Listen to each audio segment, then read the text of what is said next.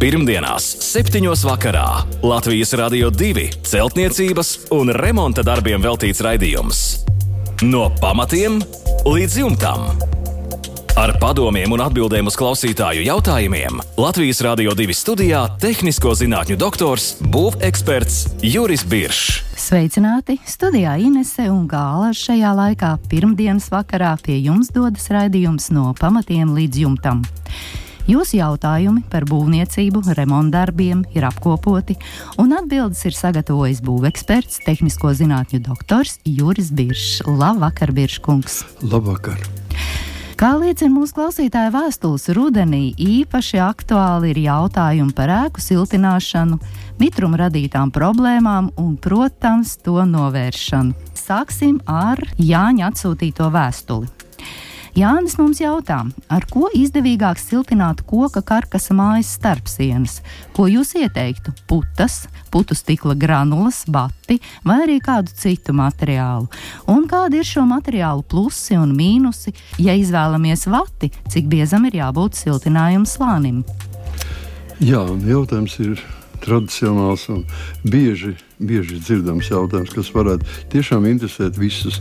Bet es teiktu, ka mazliet jautājumu uzdevējs ir mazliet nepareizi traktējis jautājumu, jo runa jau neiet par starpsienām. Starpsienas var būt vispār nesiltinātas. Starpsienas, ja mēs tomēr gribam atdalīties no kādas no telpas ar, ar kādu siltumizolācijas materiālu, tad viņas var būt praktiski nu, siltināts ar jebkuru materiālu.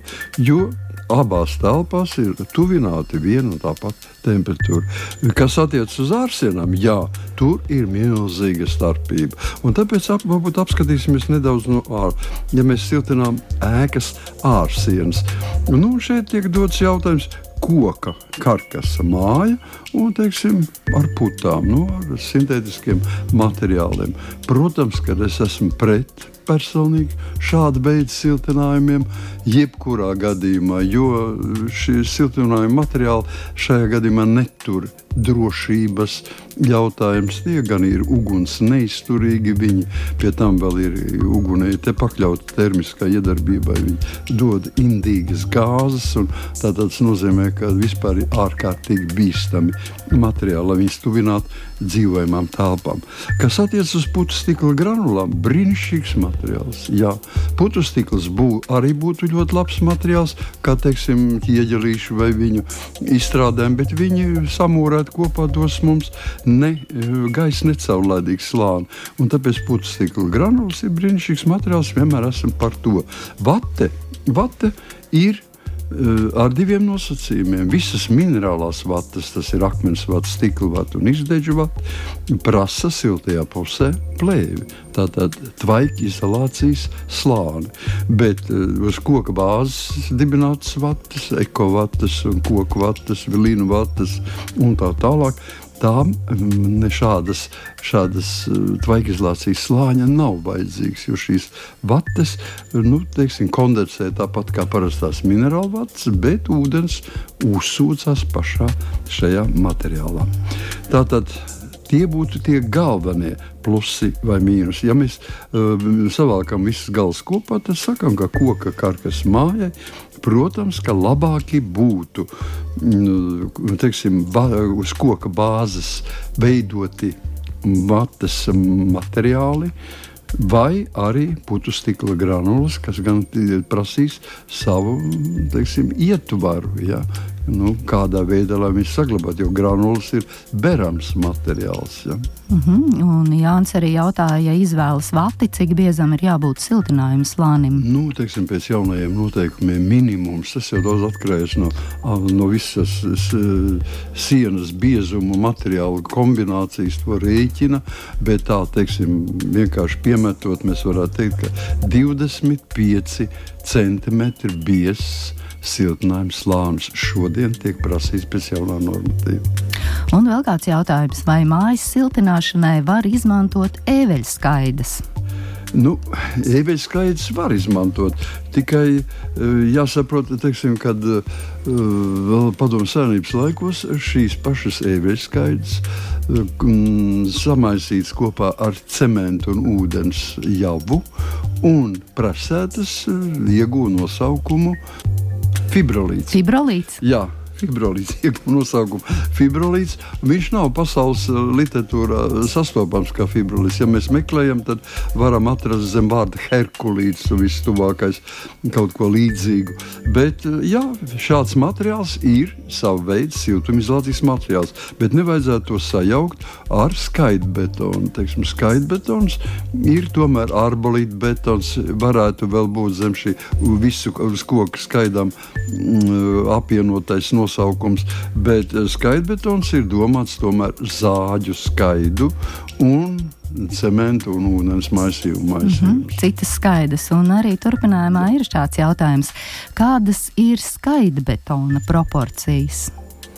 Nu, Skaitbetona proporcijas praktiski atkal ir jautājums ir tāds eh, ļoti viltīgs, jo eh, nevar pateikt precīzi momentā. Jums, mums ir jāzina, kādas mums ir, vai mēs liksim klāt smilts vai neliksim.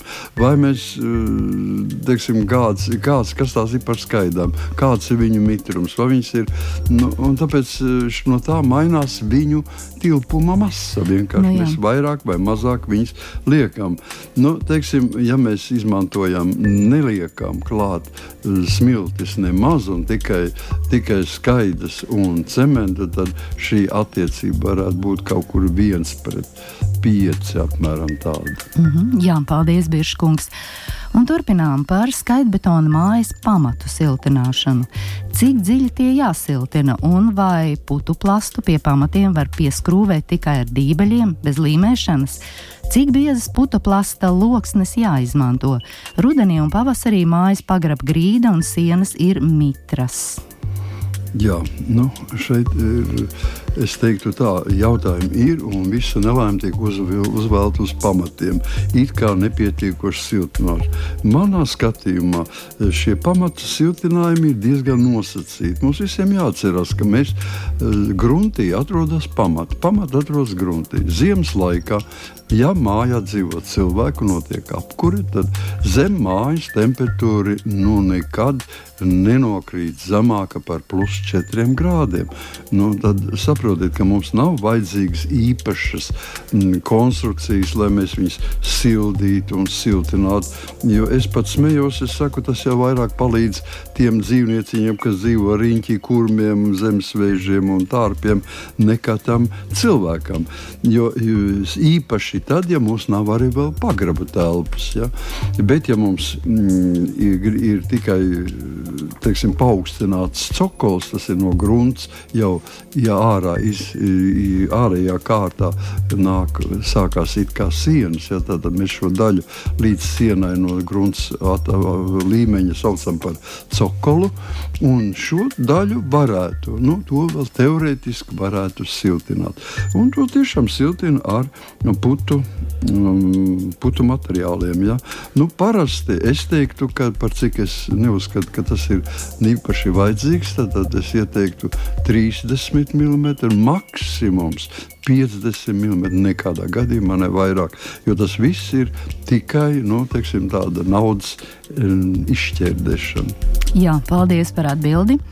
Nākamā vēstule to mums ir atsūtījusi Vita.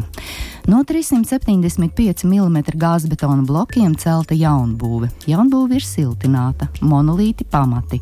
Arī griezti ir siltināti ar 300 mm ekovati. Pirmā apkurss sezona ir mājai. Uz jaunajiem plastmasas logiem, diemžēl, veidojas pamatīgs kondensāts. Arī istabās ir jūtams mitrums, raksta Vita un jautā, kā to novērst. Varbūt tāpēc, ka tā ir pirmā apkursa sezona, šī problēma ir radusies. Nu, es teiktu, ka jā, jā Ines, tas ir, ir viens no, nu, katrā gadījumā tas ir vainu pastiprinošs apstākļus. Ja?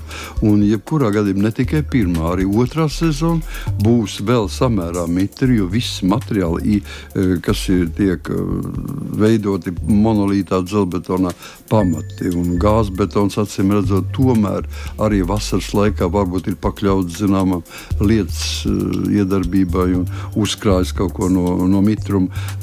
Viss tas apmēram divu apkurss sezonu laikā parasti mēs tiekam no šiem jauno materiālu mitruma problēmas. Bet principā es teiktu, ka uh, arī, arī no šīs problēmas var diezgan labi tikt vaļā, ja mēs pastiprinām ventilācijas sistēmu. Nu, Tātad ierīkojam logos, aereko tipa mm, ventilācijas restītes, jā, -hmm. un, un viņš uz ķīmijas uh, principu pamata salīdzina mitrumu iekšpusē un ārpusē un, un automātiski regulē to lietu. Un te netiek patērēta ne enerģija, ne cilvēka uzraudzība. Nu, vienkārši automātiski tas notiek. Mm -hmm. Jā, paldies. Vienkārši ir jāpavēro arī, kā attīstās šie apstākļi pēc pāris gadiem, vai šī problēma iet mazumā, tad jau būtu viss kārtībā. Jā, nu, vēl vienīgais, ja tiešām nekas pēc, nu, teiksim, pēc gada un pēc pusotra gada nekas nemainās, tad var griezties pie speciālistiem. Tad, tad sekos jau pasākumi, kas, ir, kas varētu samazināt. Arī tādi ir vesela virkne, bet visu uzreiz taisīt, nu, tas ja ne, ne tikai jaunai mājai, tas jau ielikts projektā, nu, tas būs pa dārgu. Jā, paldies par atbildi Vitai. Uldis raksta. Līvāna tipa mājai ir jānosiltina koka trepju apakša. No pagraba ved trepes uz pirmo stāvu. Siltināmā platība ir apmēram 6 km2. Un Uldis jautā, ar kādu materiālu un kā labāk siltināt, un, protams, ņemot vērā ugunsdrošību. Jā, nu, tas ir pagrūtāk, jo e, ņemot vērā ugunsdrošību, protams, ka uh, minerālam materiālam, tātad vatei, būs vislielākā priekšrocība. Nu, ja šīs trepes būtu no minerāla, tad mēs ieteiktu putu stikla e, siltinājums, bet šajā gadījumā, ja no koka, nu, tad tas varētu būt nu, teiksim, presēta nu, akmens vata. Īpaši, teiksim, kur darbojās ļoti labi kā, kā termoregulātors un arī kā reizē kā vibrācija gāž, dzēšanā, ja, kas trepēm ir ļoti svarīgi. Mm -hmm. Jā, paldies par atbildi Udim. Nākamais jautājums un vēstule. Dzīvoklis ir jaunajā mājā, pirmajā stāvā. Māja celta 2017. gadā no FIBO blokiem bez pagraba, siltināta ar putu plastu. Dzīvoklī ir ļoti nepatīkams mikroklimats, augstas grīdas, mitrs gaiss, un īpašnieki ievēroja, ka no apakšpuses sāk pelēt sienas, īpaši stūros. Vai tas varētu būt ēkas pamatu hidroizolācijas un nepietiekamas siltināšanas sekas? Un raksta, ka vēlas mainīt un siltināt grīdas, pašlaik ir lamināta klājums un vai vajadzētu arī siltināt dzīvokļa sienas, vai tas ko līdzētu un vai tas kaut daļēji varētu atrisināt šo problēmu, un arī kā to paveikt. Jā, nu, vesels komplekss jautājums. Un, tiešām jā, te varētu ļoti ilgi un daudz apspriest katru vietu. Dažos vārdos diezgan pagrūti ko teikt. Viens, kas ir skaidrs, vienkārši skatīsimies pēc realitātes. Reāli ir sapelējuši stūri. Stūri pelē tikai tajā reizē, ja mums ir nepietiekošs siltinājums. Tad divas ārsienas sanāk kopā, veido stūri. Tā ir visaugstākā vieta telpā. Ja tur veidojas pelējums, nozīmē, tur ir mitrs. Tas ir kondensējušais gaiss. Gaisa kondensācija no telpas puses iz, iz, izkrīt uz uh, sienas virsmas un rada labvēlīgus apstākļus mm, pelējumam. Tātad Es ieteiktu šai gadījumā domāt vairāk par sienām. Ja? Sienas būs siltas, ja sienas būs siltas, neveidosies kondensāts un neveidosies arī pelējums. Tādā otrā kārtā mm, tas, ka ir siltināts ar putu plastu, tas jau automātiski pasaka to, ka tas nav īpaši patīkami. Ja, putu, ja mums ir telpa siltināta ar putu plastu, bet tas nozīmē, ka no tā var glābties zināmā mērā ar ļoti labu ventilāciju. Tad atkal jau pieminētās aereko tipa restītes logos vai arī mākslīgās rekuperācijas. Jo ar putekļus siltinātās ēkās ir apgrūtināta nu, teiksim, visi apmaiņas procesi. Gaisa apmaiņa. Jā, gaisa apmaiņa, gāzu apmaiņa un mitruma apmaiņa. Tas viss ir ļoti svarīgi. Jo ēkai tāpat ēka sastāv no materiāla. Tātad materiāls var dzīvot tikai tad, normāli funkcionēt, ja viņš ir teiksim, brīvi jūtas un caur viņu notiek kaut kādas vidas apmaiņas procesi. Mm, gaisa apmaiņa, Jā, gaisa cirkulācija. Tieši tā. Un, kā tad siltināt no iekšpuses ar ko? Nu, Cik biezā no, slānī jūs ieteiktu? Jā, nu es ieteiktu, ja no iekšpuses ir jāsiltina, tad jebkurā gadījumā tikai uz koka bāzes veidot ir siltumizolācijas materiāli. Tie būtu ekovate, tā būtu koku vate, kūdras vate, linvate un praktiski viss, kas ir veidots uz koku bāzes. Mēs varētu tādus desmitiem nosaukt. Šodien viņas ir teiksim, kaņepāja vate, brīnišķīga tā saucamā miljonāra vate, ja? bet uh, viņas ir bez šaubām dārgākas kā parastais. Bet parastais siltumizolācijas materiāls, bet viņiem ir kvalitāte. Par to es jums varu garantēt. Mm jā, paldies. Tā tad jānosiltina dzīvokļa stūra sienas kuras ir pakļauts vislielākajam mitrumam. Jā. Un cik biez, biezam šim siltinājuma slānim būtu nu, jābūt? Redzam, teiksim, teiksim tā, nevajadzētu nemaz šausmīgi daudz. Man liekas, ka tomēr māju veidot jaunu, viņu siltināt, mēs varētu no iekšpuses izklāt visu virsmu, sienas virsmu ar mīkstām koku šķiedru plāksnēm. Teiksim, divreiz pa 25 mm biezām plāksnēm. Viena pret otru 90 grādu nobīdīt nobīdīts, lai neveidotos eh, nekādas šūves. Ja? Un tad tālāk šo, šo siltinājumu 5 cm biezo kārtu mēs varētu mm, uzklāt virsū džutas augu un audumu sietiņu un, un apmest ar tīra kaļķa vai māla apmetumu, kas ir ļoti modīgi, ļoti veselīgi. Šodien pieejami ir vairāk kā 20 toņu krāstoņi. Un ļoti elpojoši. Ļoti elpojoši. Jā, paldies par atbildi. Un vēl mums jāatbild uz Normunda jautājumu. Normundam ir nojume ar betonētu pamatu. Gadu gaitā vietām, kur biežāk tiek novietota automašīna, betona klājums ir izdrupis un veidojas bedres un arī putekļi. Normons jautā, ar ko un kā varētu šos caurumus aizpildīt, lai nebūtu jāmaina viss no apmēram 40 km2 klājums, ar ko apstrādāt, lai neveidotos šī putekļu kārta. Jā, nu, tas ir tīri praktisks jautājums. Un, un, un teiksim, izēja, protams, ka ir un nemaz tik dārgi neveidojas. Esmu bieži redzējis šādu tipu garāžas, un šajā tipu garāžās vienmēr esmu priecājies, ka cilvēki, nu, parasti jau garāža nav tik brīva, liela, ka varētu nu, katru reizi iebraucot, būt pa labi vai pa kreisi vairāk kā metru. Ja? Nu, tas nozīmē, ka mēs varam izveidot tādas riepu vietu pēdas, tādas garas slēdzes, kas ir nedaudz pat palielināti, varbūt tas centimetrs virs, virs līmeņa un, un, un, un braukt tikai uz priekšu un atpakaļ pa šīm mm, vietām. Un šīs vietas mēs varam izgatavot no ļoti labiem nu, teiksim, materiāliem, tādiem, kas neput. Un šeit es varētu ieteikt sekojuši.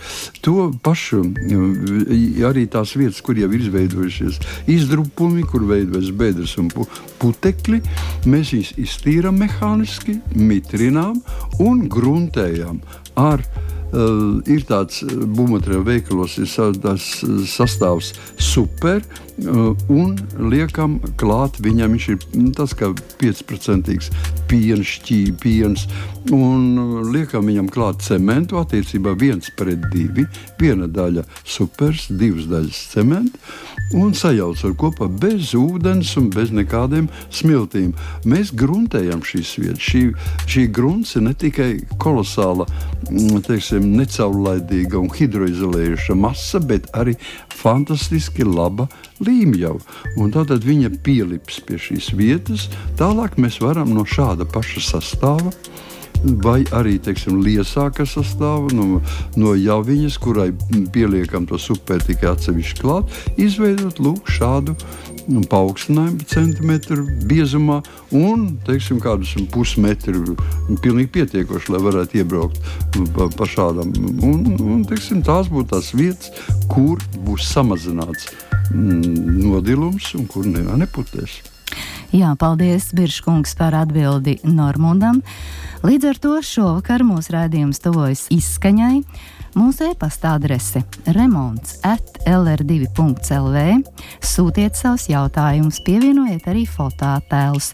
Varat iesūtīt arī caur mūsu mājaslapu un klausieties mūs arī iecienītākajās podkāstu straumēšanas vietnēs. Lai jums jauks, mierīgs vakars! Uz tikšanos! Visu labu!